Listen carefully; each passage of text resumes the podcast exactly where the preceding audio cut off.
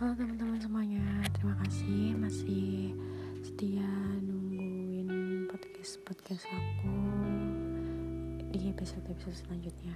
Mungkin sekarang aku lagi mau nggak ngebahas masalah cinta-cintaan dulu, aku mau ngebahas tentang soal kehidupan, kehidupan di mana kita semua itu pernah ngerasain pahit dalam hidup.